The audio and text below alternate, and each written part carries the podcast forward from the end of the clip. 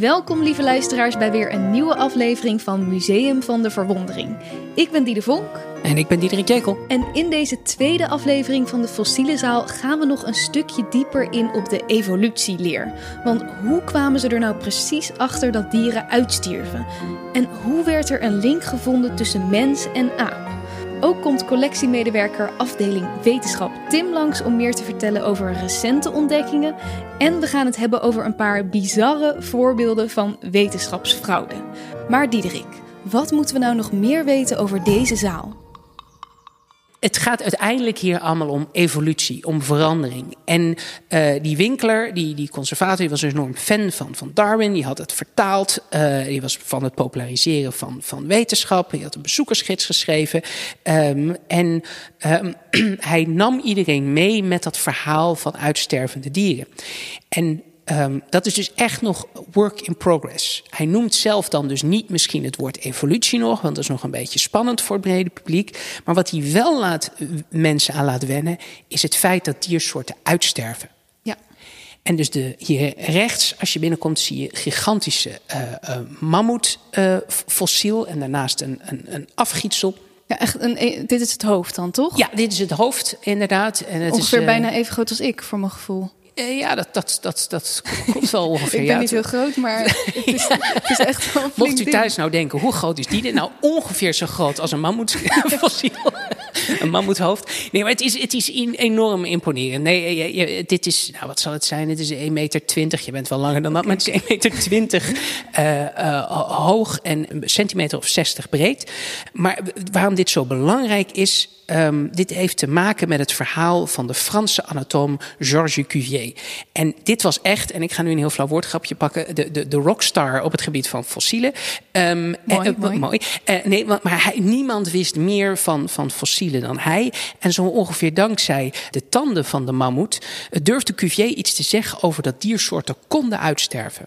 Um, door dus de deze, tanden? Door de tanden. Ja, kijk, die mammoetschedel hier die kwam aan het licht in 1820. Er was een dijkdoorbraak uh, uh, langs de rivier de Linge. En um, na wat omzwervingen is het uiteindelijk hier terechtgekomen. En waarschijnlijk is die mammoet zo'n 40.000 jaar geleden gestorven. En, en dit mannetje zelf is ongeveer 43 jaar oud geworden. Um, en, maar die, de, de vraag van die wetenschappers was: oké, okay, hoe kun je nou bewijzen dat iets uitgestorven is?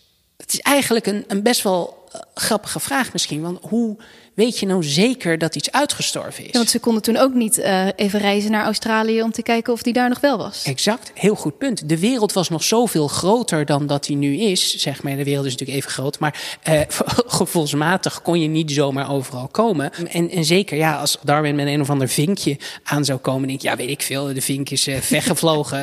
ik heb hem nog rust. niet gezien. Ja. ja. ik heb hem gewoon niet gezien. Maar um, de, de, deze, de, met die mammoet kon hij het in twee delen um, bewijzen. Want allereerst zei liet hij zien dat er zoveel verschillen zaten tussen dit dier en de olifant van nu, dat het dezelfde soort gewoon niet kan zijn. Die tanden kloppen niet, die kaak klopt niet, het is gewoon een te groot verschil. Er is geen olifant uh, in de wereld die er uh, zo uitziet. Dus we kunnen dit dier in ieder geval niet meer vinden. En daarbij zei hij terecht wat je net opmerkte: wow, dit is een groot, uh, groot beest. Dat zei Cuvier ook. Alleen het woord wow gebruikte hij niet. Hij zei: luister, dit, dit is geen, geen musje. En die man moet dus hier in de buurt gevonden.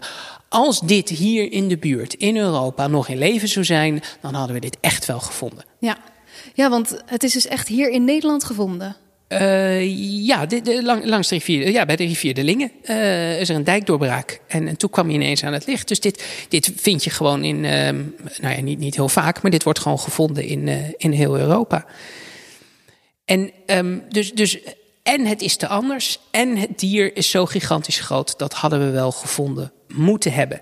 En het mooie is dus, eigenlijk lag dit, uh, uh, dit fossiel vroeger uh, op zijn, op zijn kant, zodat je goed naar de tanden kon kijken, zodat de, de mensen die langskwamen, de bezoekers, inderdaad konden zien, hé, hey, dit is anders. En zo dus gewend raken aan het concept, oké, dieren kunnen uiteindelijk uitsterven. En dit, die Cuvier, dat was nog ver voor Darwin. Dus die, die wist niks van Darwin. En die geloofde ook helemaal Oh. niet in dat, dat dieren konden veranderen wat dat betreft. Maar die wist al wel het, van het uitsterven. Precies, dat heeft hij echt, echt neergezet. En dus door om zich heen te kijken en naar, echt duizenden verschillende fossielen te kijken en te categoriseren en uit te zoeken. En um, nu zijn we heel erg gewend aan fossielen. Maar het is misschien ook wel goed om te bedenken dat tot de jaren 20 van de, van de 20ste eeuw was er gewoon nergens in Nederland waren fossielen te zien op zo'n schaal.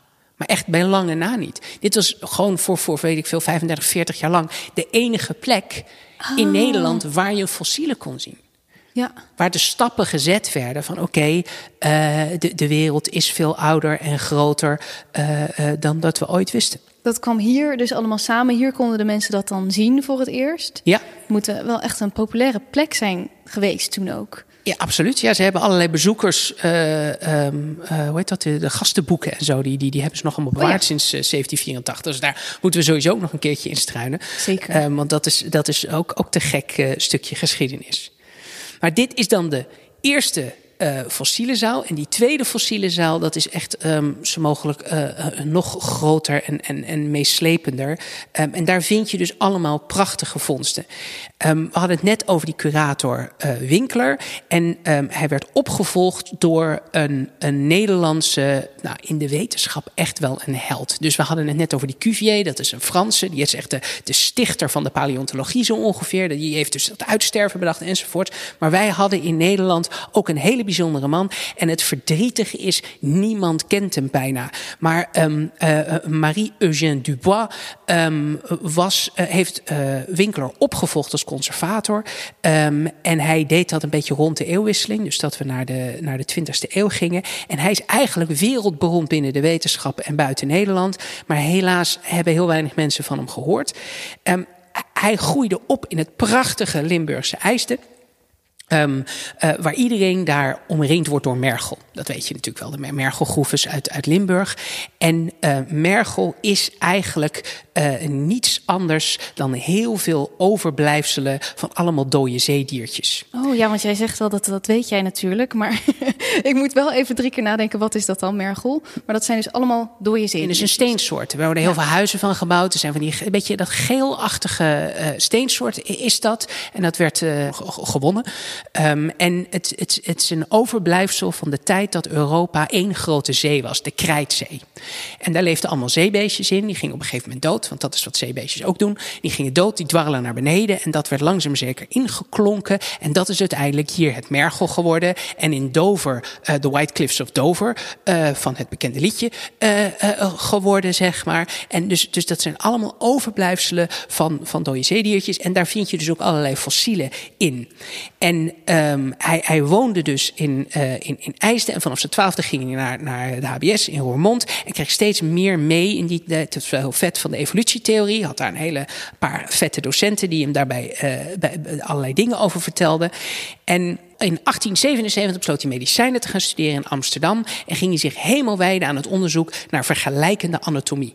En dus, dus kijken van, goh, hoe, hoe zit bijvoorbeeld je strottenhoofd uh, bij, e, bij alle dieren in elkaar? En dan kun je ah. zien hoe stap voor stap evolutionair we misschien van, van de ene design naar het andere design zijn gegaan. Ja. Het is natuurlijk niet gedesigned, want dat is een heel ander verhaal. Evolutie is meer toeval. Maar ik bedoel meer dat het er anders uitziet en stap voor stap. Dat het uh, wel met elkaar in verbinding staat. Exact, exact. Dus uh, dat deed hij heel veel onderzoek naar. En in zijn vakanties uh, in, in de omgeving van zijn geboorteplaats IJsden ging hij op zoek naar fossielen. En in de grot uh, Henkeput uh, in het dorpje Rijkgod, ben ik zeker al een aantal keer geweest, heel erg mooi, um, zijn enkele prehistorische menselijke schedels had hij gevonden. En hij was super gefascineerd daardoor. En hij dacht, wow, die Darwin, er moet een missing link zijn natuurlijk tussen als we nu mensen hebben en, en aan aapachtige fossielen vinden, dan moet daartussen ergens iets zitten wat tussen een mens en een aap in zit. Ja. Dat wordt die missing link genoemd. Uh, want als evolutie het ding is dat je stap voor stap steeds aangepast wordt, ja, dan, dan is het wel super het belangrijkste fossiel eigenlijk om, om dat te zoeken. Oh, dus hij had echt een, een vorm gevonden tussen aap en mens. Hij had het niet gevonden, hij wilde het vinden.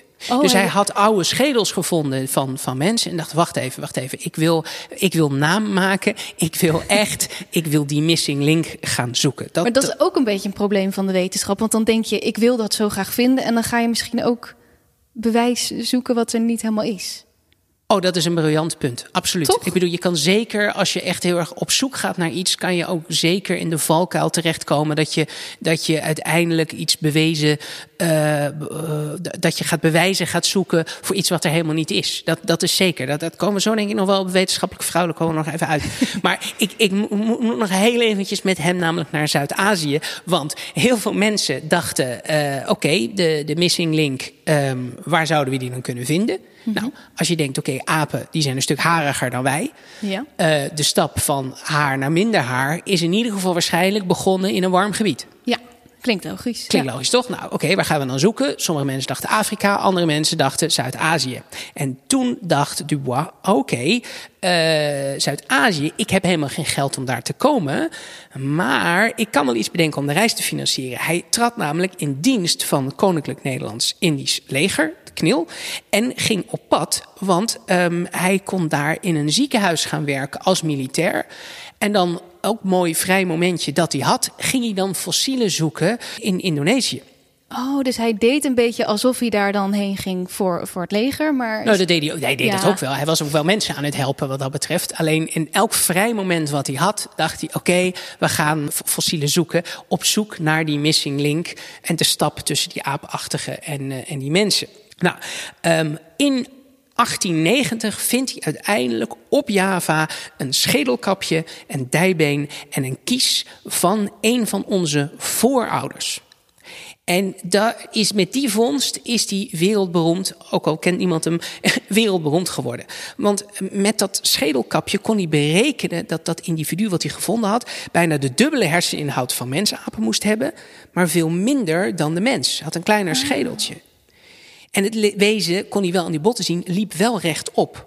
Dus hij had precies een soort overgangsvorm gevonden tussen de aap en de mens, zoals waar hij althans toen naar op zoek was. En tegenwoordig weten we zeker dat het om resten van de Homo erectus gaat en dus echt een voorloper van de moderne mens is. In die tijd dachten ze overigens dat we van apen afstammen, maar dat is niet helemaal waar. Het is, het is net wat anders. We hebben een gemeenschappelijke voorouder eh, die ongeveer 10 miljoen jaar geleden in Afrika leefde. En in dat kabinetje daar kun je de eh, eh, replica's zien liggen van zijn onderzoek. Wat hier dus eh, neergelegd is met Dubois en, en Winkler een beetje rond die tijd. Omdat de technologie steeds verbetert, wordt er ook nu nog veel onderzoek gedaan naar alle bijzondere fossielen die hier liggen. Tim kan ons daar wat meer over vertellen. Ik sta hier naast Tim, collectiemedewerker afdeling wetenschap.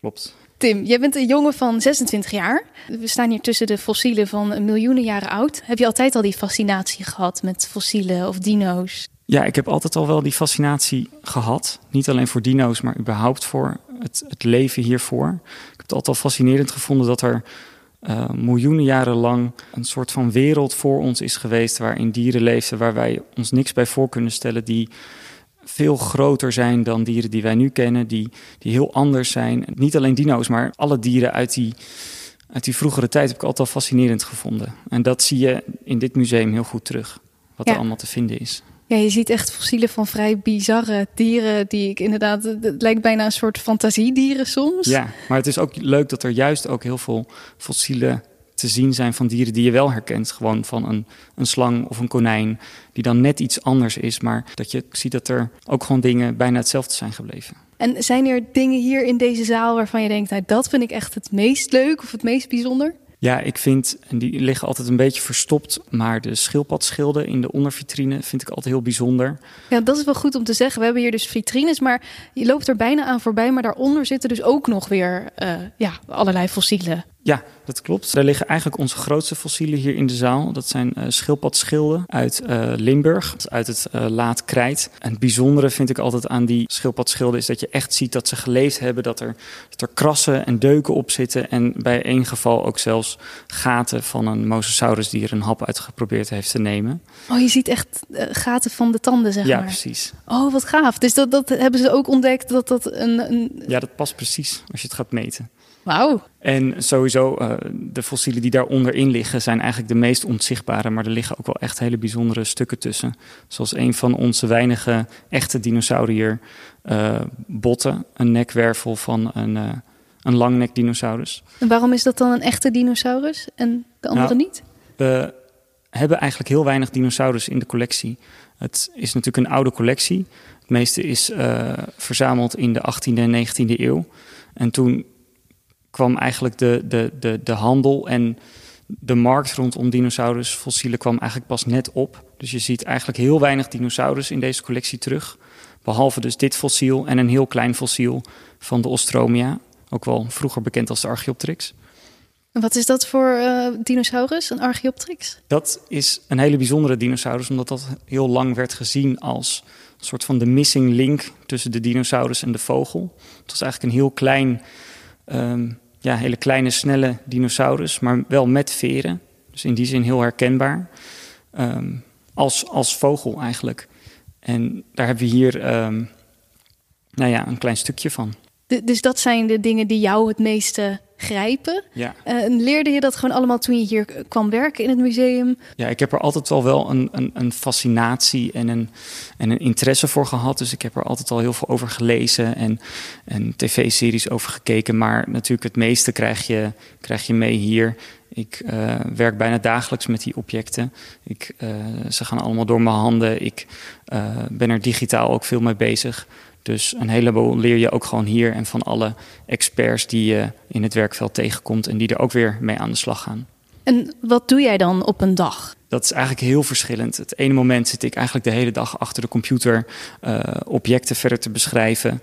Um, te zorgen dat de informatie die we hebben over de objecten op de goede plek terechtkomt. Um, dus als een onderzoeker een, een paper heeft geschreven of een nieuwe ontdekking heeft gedaan, dan zorg ik dat dat gekoppeld wordt aan het object. Um, zodat we die informatie later weer terug kunnen vinden. Want alles wat je weet over zo'n object, dat is weer heel erg waardevol.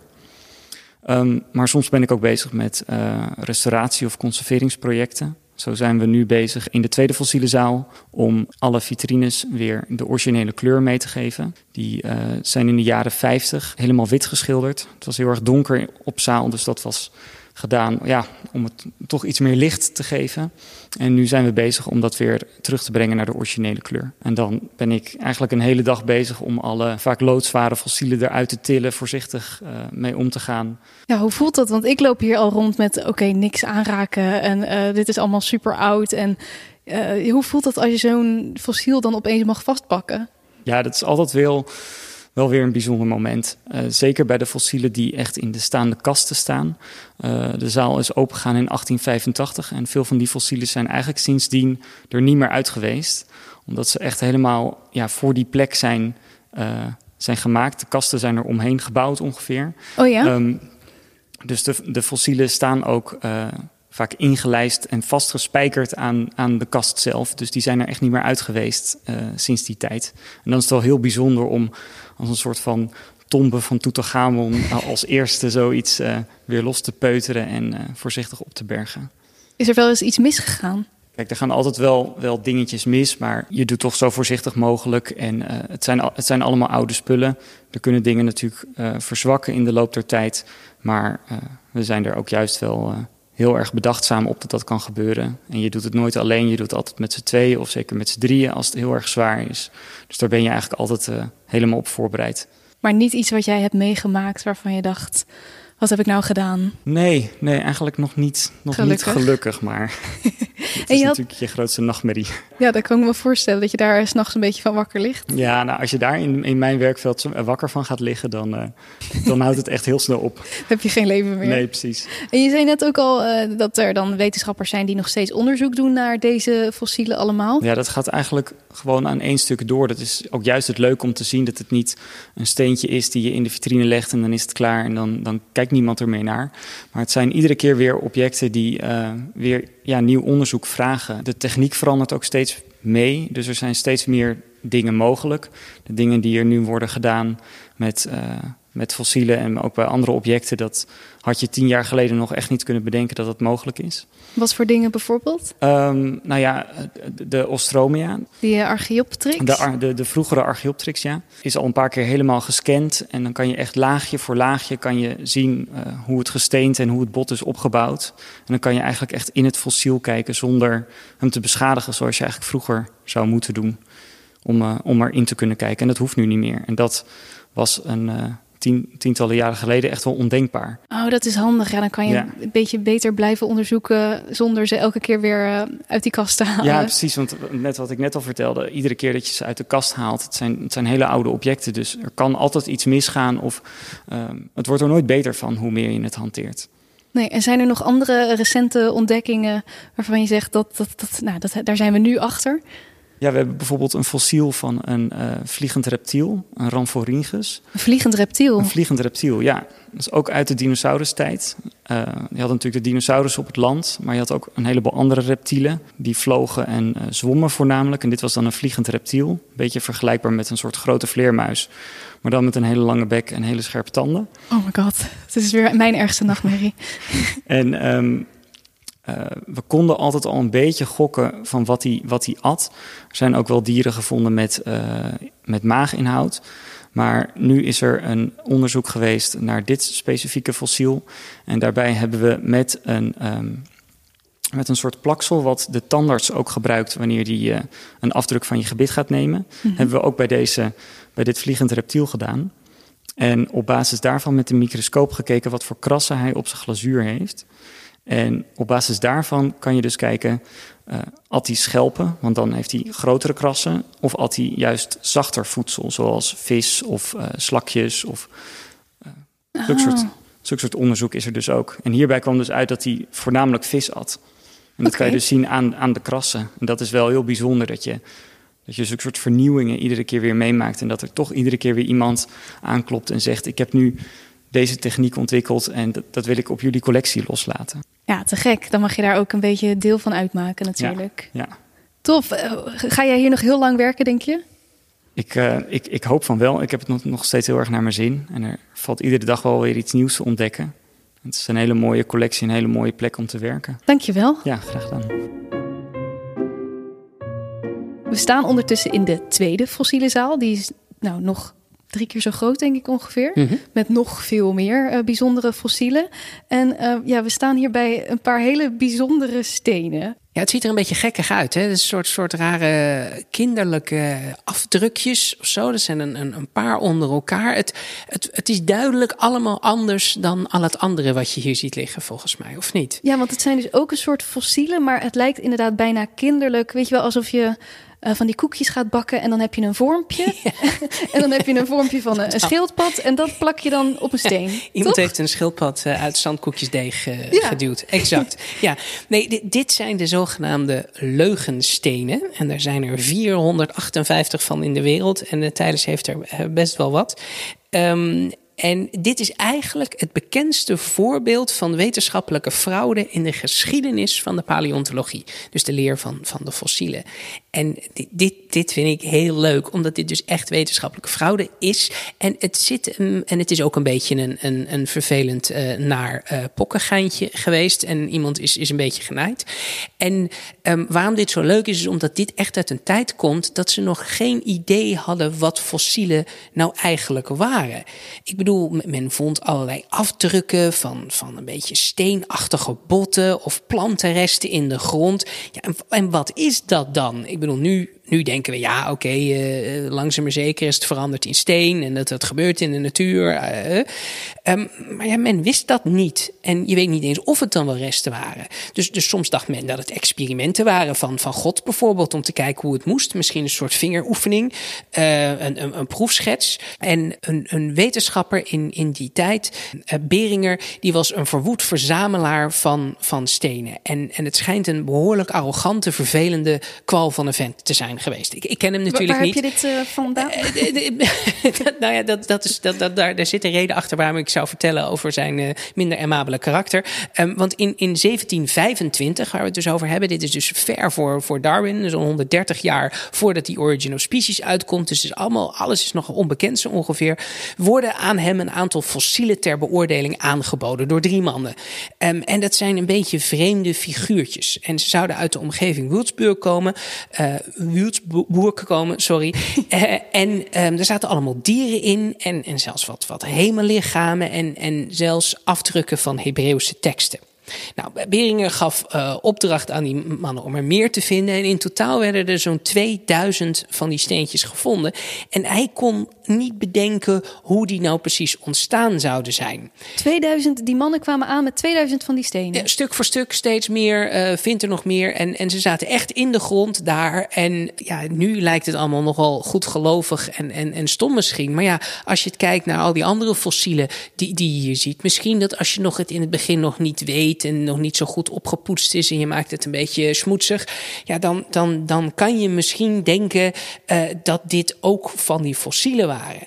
Nou, uiteindelijk kon hij zichzelf ervan overtuigen. En dat is natuurlijk de hele terechte opmerking die, die je maakt van, van goh, op het moment dat je bewijs ergens voor wilt zoeken als wetenschapper, moet je heel erg oppassen dat je niet bewijs gaat vinden waar het niet is. Ja, precies. Op het moment dat jij in Sinterklaas gelooft en je ziet de volgende ochtend dat de wortel aangebeten is uh, en, het, en het water opgedronken is, dan is dat een bewijs dat het paard van Sinterklaas uh, voorbij is gekomen. Ja. En dat de tandjes in het geval van de wortel toen ik klein was echt kleiner waren dan paardentanden.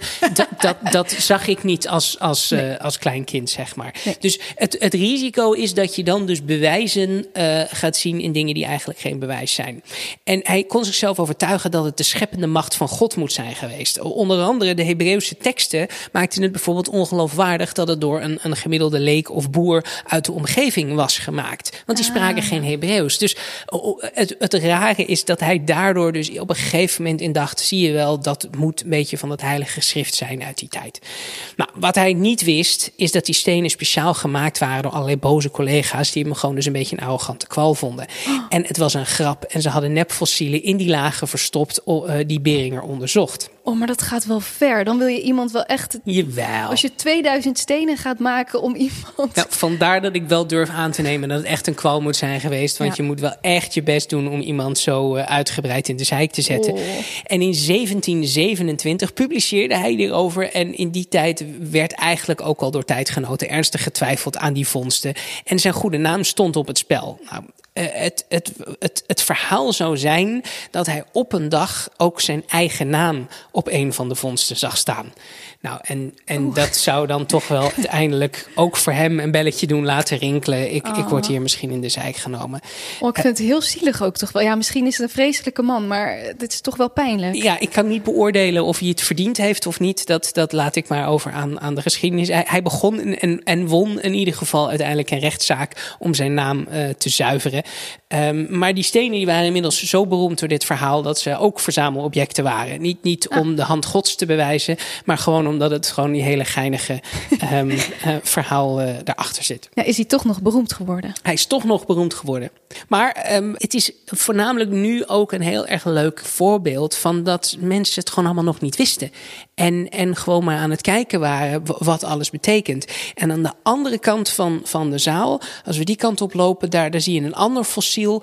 Uh, waarin je precies ook de, de hand van God misschien gezien zou hebben in het fossiel. Oeh. Oké, okay, andere kant van de zaal, daar zijn wij heel snel.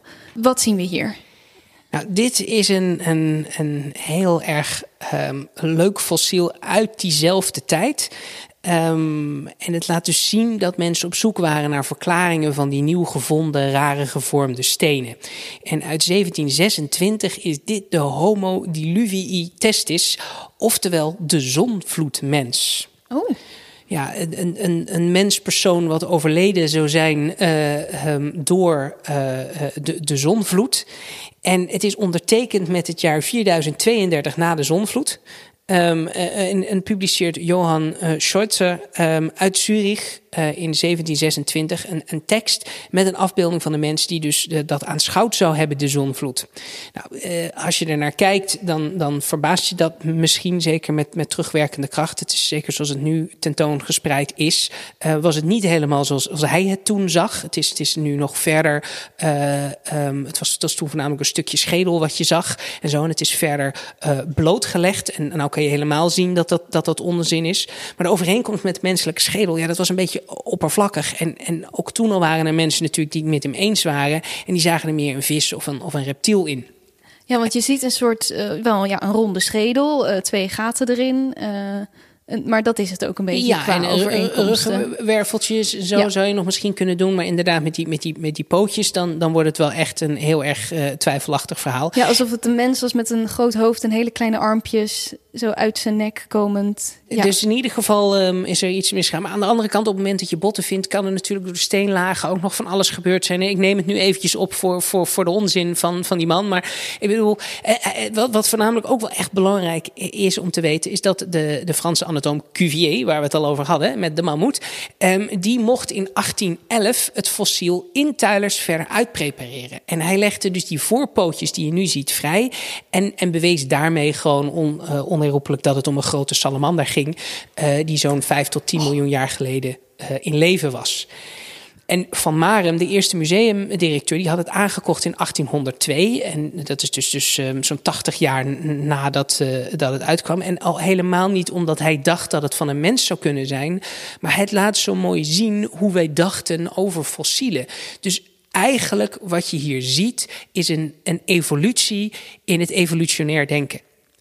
En dat vind ik zo mooi. Je past gedachtes, uh, je past je gedachten steeds meer aan aan de informatie die in die tijd tot je komt. En die gedachten die niet rekening houden met de nieuwe kennis, die dus niet passen, die sterven uit. Ja. Dus wat dat betreft is het ook een soort survival of the fittest in evolutionair denken. Ja. Je ziet hier allemaal gedachtegangen die het niet gered hebben.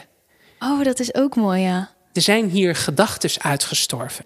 En dat zie je gebeuren in dit verhaal. En ik denk dat, dat ik dat het mooie vind aan, aan deze uh, omgeving. En ook de, de, de Mosasaurus die hier staat, is ook een mooi voorbeeld van hoe men de gedachten moest veranderen. Hoe gedachten gingen uitsterven. In, in 1782 was Van Marum, dus die museumdirecteur, was op huwelijksreis. En hij had de resten gezien van een voorwereldelijk dier. Dus een heel oud dier. En um, een jaar later schafte hij de, de kaken van deze, deze gigantische maashagedis aan. En in 1766 was hij namelijk gevonden op de Sint-Pietersberg, iets ten zuiden van, uh, van Maastricht. En, en die fossielen, die, die pasten helemaal niet. Die, die leken uh, uh, niet op een nog, nog bestaand dier. En de term uitgestorven, dat was er toen dus nog niet. Nee, dat is echt nog een eeuw ervoor, zeg maar. Precies, dus de, dat moet langzaam maar zeker moet dat gaan komen. Het is wel een beetje rond die tijd hoor. Het gaat wel langzaam maar zeker komen. Maar het, het grappige is dus dat ze hier dus al die verschillende gedachten hebben die dus nog op het punt van uitsterven staan. Je zit weer met je geloof dat de schepping niet ineens overbodig kan zijn. En je hebt hier kaken die half lijken op krokodillen of tandwalvissen. Um, en, en pas rond 1800 bewees Adriaan Gillis dat het gaat om een zwemmend reptiel. Eh, een soort, weet ik veel, fossiele varaanachtige. En in 1829 is die officieel beschreven als de Mosasaurus hofmanni. En um, dat dus langzaam maar zeker moest men de, de foute gedachten laten uitsterven en tot de gedachte komen waarvan we nu denken dat die waar is en waarvan we nu hopen dat die niet op een evolutionair doodspoor zit. En dit fossiel is, is ruim 60 miljoen jaar oud. En de naam Hofmanni, dat is een eerbetoon aan eh, de Maastrichtse uh, fossielverzamelaar Johan Hofman. En die had een enorme verzameling fossielen uit de Sint-Pietersberg. En de Sint-Pietersberg, dat is dat, dat Mergel waar ik het over had. Eigenlijk is dat gewoon een gigantisch prehistorisch dierenkerkhof. Ja, ik wil je zeggen, we moeten daarheen volgens mij eh, allemaal om uh, fossielen te gaan zoeken. Nou, je kan, dat, dat, als je daar woont, dan, dan uh, doe je dat ook dat als, je, als je jong bent. Absoluut, er zijn hartstikke veel um, mooie fossielen die, die je daar uh, kunt vinden. En die, die verzameling van die Hofman die is overgenomen door Tylers. En daarmee bevat het wereldwijd een van de belangrijkste krijtverzamelingen. Dus fossielen uit die tijd, uit de krijttijdperiode ter wereld. En dat kun je hier gewoon allemaal zien. En dat maakt deze plek zo uniek. Het is een tijdstekening, niet alleen letterlijk van hoe de dieren toen leefden. Het is een tijdstekening van nadenken over hoe dieren toen leefden. Het vertelt iets over onze eigen geschiedenis. Het vertelt eigenlijk over de geschiedenis van de aarde en hoe alles met elkaar samenhangt. En dat vind je hier gewoon allemaal in die vitrines. Nou, ik, uh, ik zou zeggen, kom allemaal langs. ja, ik vind het wel te gek dat we dit nu allemaal leren. Want ja, dat weet je misschien niet als je hier gewoon langs loopt. En uh, nou, dit laatste geval was dan misschien ook niet per se heel erg wetenschapsfraude. Het was gewoon hoe ze dachten in die tijd. En dat kunnen we dus ook hier Zeker, zeker. Nou ja, dat, dat is natuurlijk ook die wetenschapsfraude. Ik bedoel, uiteindelijk werd iemand een beetje in het, in het ootje genomen. Maar um, het, het zat natuurlijk, er was een mogelijkheid uh, om te doen. Alleen maar omdat er nog zoveel onduidelijk was over die fossielen. Ik bedoel, het is, het is nogal wat om, om aan te nemen dat als je een, een, een blaadje vindt, bijvoorbeeld een oude varen of zo in steen, dan denk je: oké, zijn die lijntjes misschien toevallig? Zijn het gekke kristalvlakken of wat dan ook? Of, of is dat inderdaad iets van, van God of een schepping? Of is dat een prehistorische plant? Maar je, je moet je zo voorstellen: je denkt: oké, de aarde is maar een paar duizend jaar oud. Ja. En in die periode, in de 19e eeuw, zie je gewoon dat gewoon elke tien jaar krijgt de aarde er gewoon tientallen miljoenen jaren geschiedenis bij. Door de geologie, door de paleontologie, door steeds meer te begrijpen hoe de aarde is ontstaan, hoe die verandert, hoe de diersoorten veranderen en bewegen. Moet je je voorstellen, de, de mensheid en de aarde krijgt er gewoon ineens gratis en voor niet 100 miljoen jaar uh, leeftijd en geschiedenis bij. dus Wat, de wereld die, zoals jij hem kent, wordt opeens veel ouder veel ouder, veel kleiner. Alles is aan het veranderen. En dat zegt ook iets over waar wij als mens staan in de hele lijn der schepping, in de hele lijn van evolutie. Um, en dat vertelt uiteindelijk iets over ons en over onze aarde. En dat al die wetenschappers bezig zijn om duidelijk te maken: we staan niet boven op een apenrots van de natuur. We zijn onderdeel ervan. En dat betekent dat we ook een beetje rekening moeten houden. En dat is eigenlijk meer een hele hedendaagse interpretatie dan om het misschien naar het heden te trekken. We zijn gewoon onderdeel van de natuur. We staan er niet boven. En op het moment dat we niet wat respectvoller omgaan met de plek die wij innemen in de natuur, zal uiteindelijk alles zo radicaal kunnen veranderen dat we en heel veel diersoorten er last van hebben en wij er uiteindelijk ook last van gaan hebben. Want de natuur is gewoon een, een, bal met lava die door het heelal heen zweeft. Weet je wel, dus het, het, maakt uiteindelijk de natuur niet uit. Alleen wij hebben het vermogen als enige diersoort om eventjes van bovenaf een ander perspectief te pakken en na te denken: hé, hey, dingen veranderen en wij zijn daar de oorzaak van. En op het moment dat je door evolutie, of zoals zij vroeger dachten, door God of kismet of wat dan ook, het vermogen hebben gekregen om daar rationeel over na te denken, dan vind ik ook dat je als enige diersoort de plicht hebt om er ook iets aan te doen.